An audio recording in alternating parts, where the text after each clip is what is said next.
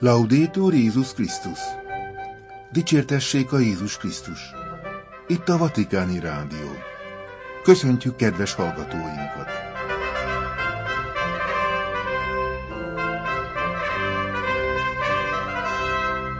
A mikrofonnál Vértesajai László. Vasárnapi műsorunk témái Tíz év missziós rendület az irgalmasság és a béke útjain. Ferenc pápa Péteri szolgálata. Az Osservatore Romano napilap ünnepi cikkének befejező része, amely a Szent Atya Péteri szolgálatának másik, körkörös dimenzióját elemzi, tekintettel elsősorban a földrajzi és egzisztenciális perifériákra. Egy évvel ezelőtt ajánlotta fel Ferenc pápa Szűz Mária szepültelen szívének az egész emberiséget, különleges módon is Oroszországot és Ukrajnát. Tíz év missziós lendület az irgalmasság és a béke útjain. Ferenc pápa Péteri szolgálata. Az Osservatore Romano Vatikáni napilap március 12-i ünnepi cikkében Isabella Piro, a Vatikán News munkatársa, Ferenc pápa megválasztásának tizedik évfordulója alkalmából felidézte a pápaság legfőbb vonásait, progresszív és körkörös jelzőkkel két kategóriára bontva az elmúlt időszak pápai tevékenységének kibontakozását. Múlt vasárnapi adásunkban Ferenc pápa Péteri szolgálatának progresszív, előre haladó dimenzióját ismertettük, amelynek célja új folyamatok elindítása, a jövő felé irányulás, a reményteli előrehaladás. Mai műsorunkban pedig a pápaság másik fővonását mutatjuk be, amelyet az Osservatore Romano Vaticani napilap cikke a körkörös jelzővel illet. A perifériáról meggazdagodva térünk vissza. A második dimenzió, Bergoglio pápa Péteri szolgálatának körforgása elsősorban a földrajzi és egzisztenciális perifériákra való figyelemre összpontosít. Ferenc pápa megállapítja, hogy a perifériáról a valóság jobban látható, mint a központból, és a kerülettől gondolatainkban és szívünkben gazdagodva térünk vissza a tőlünk távol állókkal folytatott kölcsönös cserének köszönhetően. Ezt jelképezi a pápa által eddig megtett 40 nemzetközi apostoli út, amelyek szinte minden alkalommal a világ perifériáira vezettek, Elég megemlíteni, hogy Sri Lankát 2015-ben, Myanmar 2017-ben, Mozambikot 2019-ben és Irakot 2021-ben kereste fel. Ezen túlmenően 2016-ban az irgalmasság rendkívüli szentévében, amelynek irgalmasok, mint az atya volt a témája, a pápa közép-afrikai köztársaságban banki székesegyházában nyitotta meg az első szent kaput, a 2015 novemberében tett apostoli látogatása során. Küzdelem a leselejtezés kultúrája és a közöny globalizációja ellen. Az Osservatore Romano március 12-i cikke felidézi Ferenc pápa 36 olaszországi látogatását is, amelyek a nyilvános programok mellett magánjellegű pillanatokat is tartalmaztak. Ezek a látogatások is rendelkeznek egy bizonyos periférikus jelleggel. Nem véletlen, hogy a 2013. március 13-án megválasztott pápa július 8-án tett útja éppen Lampedusa szigetére a földközi tengeri migrációs jelenség drámai központjába vezetett. A cikk ezután a görögországi Lesbos szigetén tett pápai látogatást emeli ki, amelyre 2016 áprilisában került sor. Ferenc pápa azt hangsúlyozta, hogy a migráció témáját négy ige szerint kell kidolgozni. Ezek pedig befogadni, védelmezni, támogatni és integrálni. Ez is a jelenlegi pápaság körkörös idejének újabb megnyilvánulása, mivel magába foglalja a leselejtezés kultúrája és a közömbösség globalizációja elleni folyamatos, szüntelen küzdelmet, amely megakadályozza, hogy a másik elé menjünk és meglássuk benne az embert és méltóságát. Az utca papja együtt halad a hívőkkel. a juhok szagával rendelkező, a nyájához közel álló pásztor egy Caljehéró pap, azaz az utca papja, aki együtt jár a hívőkkel. Szögezte le több alkalommal Ferenc pápa, aki a közösségi hálózatokon keresztül is közel áll hozzájuk. Jelenleg a Twitteren a kilenc nyelven elérhető Pontifex Sziokjának több mint 50 millió követője van, míg az Instagramon a 2016. március 19-én megnyitott Franciscus fióknak 9 millió követője van. A pápa legutolsó iránti aggodalmát tették nyilvánvalóvá az irgalmasság péntekje is, azaz a jubileumi időszak alatt a szegények, betegek és kirekesztettek befogadására szolgáló intézményekben tett magánlátogatásai. Fratelli Tutti minden háború határozott elítélése. Ferenc pápa körkörös idejének része az is, hogy közös, bátor és fáradhatatlan elkötelezettséget mutat a megbékélés és a béke iránt. Ennek csodálatra méltó kifejezése a Fratelli Tutti enciklika. Ez a körlevél, amelyet 2020. október 3-án írta alá Assisi-ben, Szent Ferenc sírjánál, és másnap tette közzé, testvériségre és társadalmi barátságra szólít fel, és határozottan nemet mond a háborúra. A körlevél közzététele az egész világot felforgató COVID-19 világjárvány idejére esik, de ez nem véletlen. A globális egészségügyi vészhelyzet, írja Ferenc pápa, eszünkbe juttatta, hogy senki sem mentheti meg önmagát. Ezek a szavak felidézik a pápa által 2020. március 27-én a kihalt és esőáztatta Szentpéter téren tartott intenzív stáció orbiszt, amikor beszédében megállapította. Ráébredtünk, hogy ugyanabban a csónakban vagyunk. Mindannyian törékenek és iránt vesztettek, de ugyanakkor mindannyian arra kaptunk meghívást, hogy együtt evezzünk. Két évvel később, az ukrajnai konfliktus kirobbanásakor az enciklikában szereplő felhívása a valódi és tartós békére, amely a szolidaritás és együttműködés globális etikájából indul ki, minden eddigénél profétaibbnak tűnik egy olyan világban, amely egyre inkább egy harmadik világháborút él át darabokban. A béke diplomáciája hidak építésére szolgál. A Ferenc pápa által támogatott béke diplomácia célja a hidak építése, és nem a falak felhúzása. Ennek további példái közül az Osservatore Romano Vatikáni napilap emlékeztet a fohászos Szentföld békéjéért kezdeményezésre, amelyet a pápa 2014. június 8-án a vatikáni kertekben Simon Peres izraeli és Mahmoud Abbas palesztin elnökkel közösen tartott, tovább az Egyesült Államok és Kuba közötti diplomáciai kapcsolatok felvételére, amelyre ugyancsak 2014-ben, december 17-én került sor. Ennek a történelmi eseménynek az előkészítésében maga Ferenc pápa is hónapokig részt vett. Leveleket küldött a két ország államfőjének, Barack Obamának és Raúl Castrónak, és arra buzdította őket, hogy kezdjenek egy új szakaszt.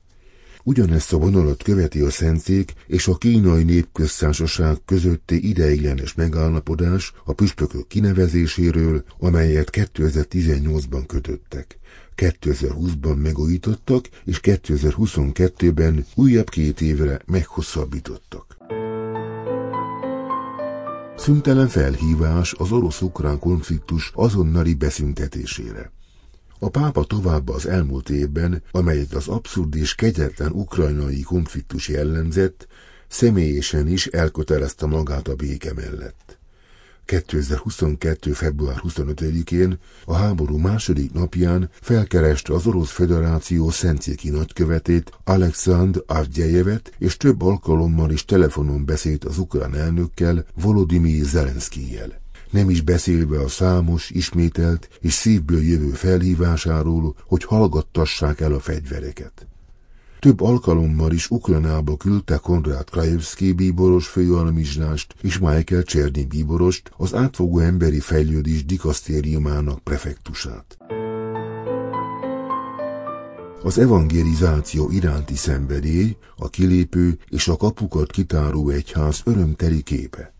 Az evangelizáció, sőt, az evangelizáció iránti szenvedély, amint azt az általános kilakatásokon tartott jelenlegi katekézi ciklus témája jelzi, szintén Ferenc pápa körforgásos időbeli dimenziójának része.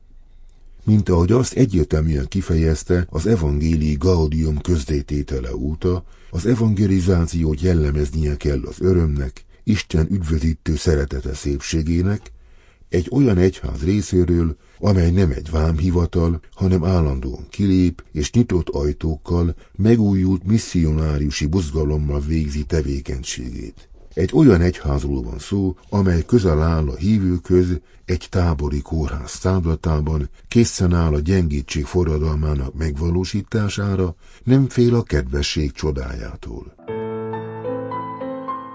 Szoros kapcsolat elügyeivel a folytonosság jegyében. Továbbá, mivel a pápai tanítóhivatal nem cenzúra, nem törés vagy szakadás, hanem folytonosság, Ferenc pápát erőszálok fűzik elődjeihez.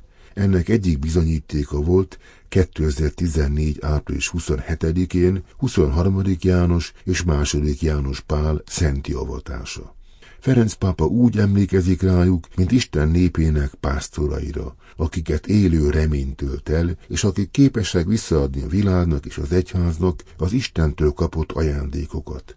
Hozzájuk csatlakozik hatodik Pál, akit Ferenc pápa 2018. október 14-én avatott szenté, és akit az ige hirdetés és a párbeszéd tanújaként a távol állókra tekintő és a szegényekről gondoskodó, kifelé forduló egyház profétájaként jellemzett.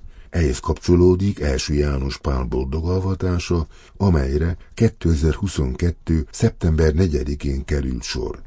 A jelenlegi pápa ennek a pápának különösen a mosolyára emlékezik, amely az örömteli arcú, nem haragos egyház szimbóluma, amely soha nem zárja be az ajtókat, és nem keményíti meg a szíveket. Mély tisztelet 16. Benedek emeritus pápa iránt.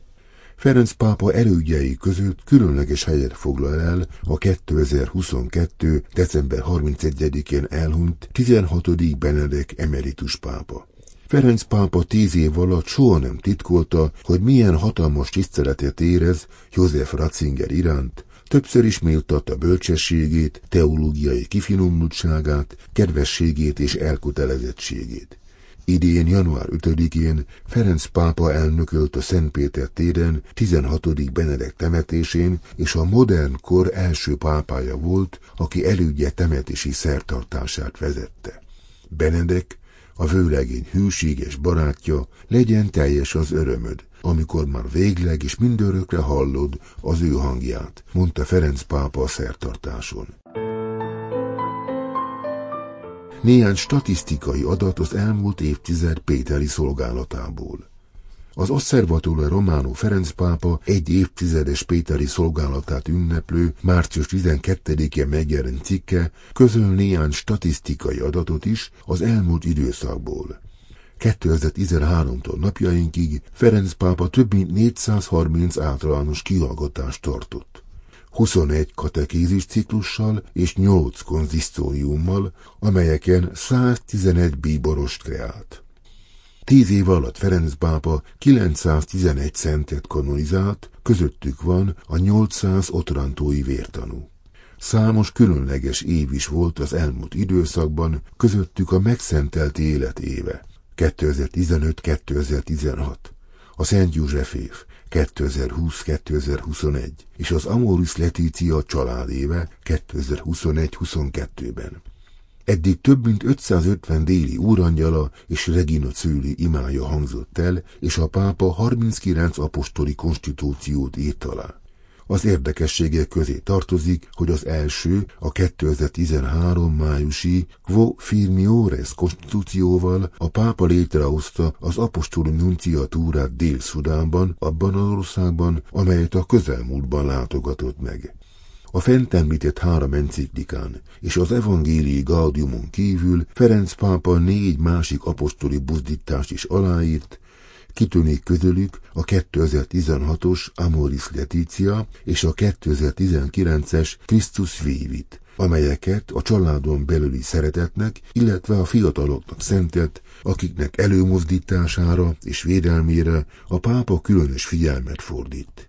Szintén sajátos a Querida Amazonia, szeretett Amazónia kezdetű apostoli buzdítása, amelyet 2020-ban tett közzé.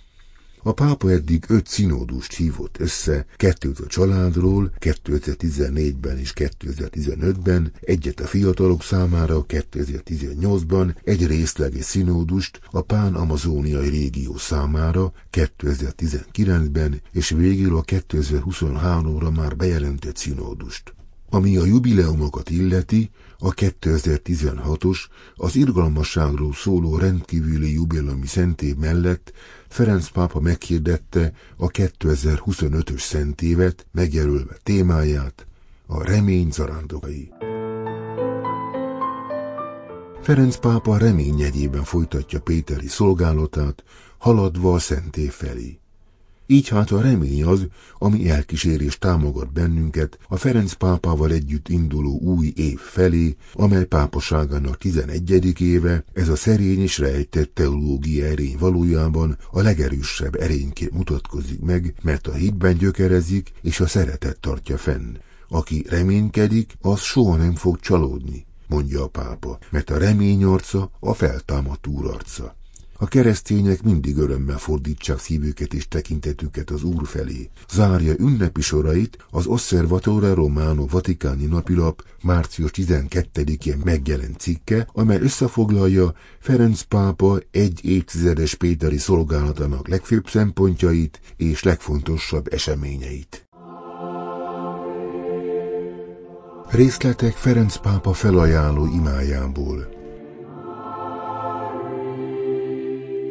Pontosan egy évvel ezelőtt, 2022. március 25-én, gyümölcsoltó boldogasszony napján Ferenc pápa Szentpéter bazilikában bimbálati szertartás keretében a katolikus egyház püspökeivel együtt felajánlotta az egész emberiséget, különös módon is Oroszországot és Ukrajnát Szűz Mária szepültelen szívének. Ó Mária, Isten anyja és a mi anyánk, mi a szenvedésnek ebben az órájában hozzárfutunk, Irgalom anyja, hányszor megtapasztaltuk a te gondviselő gyöngeségedet, jelenlétedet, amely visszahozza békét, mert te mindig Jézushoz, a béke fejdelméhez vezetsz minket.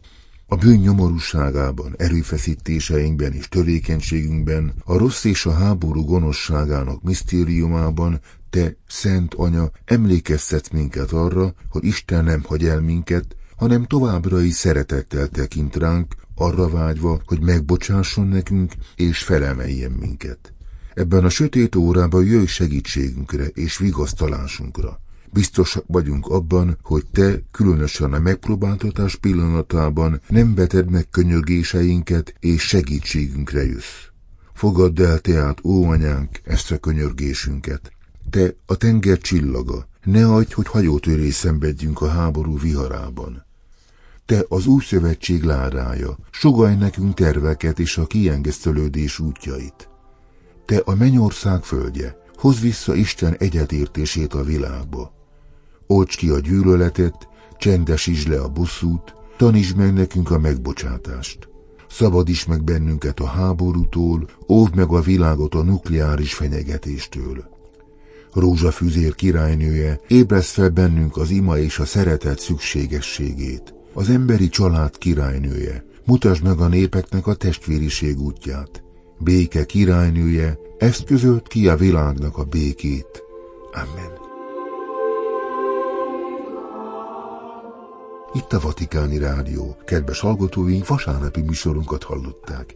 Figyelmüket köszönve búcsúzik Önöktől Vértesa Jai László. Dicsértessék a Jézus Krisztus. Laudétur Jézus Krisztus.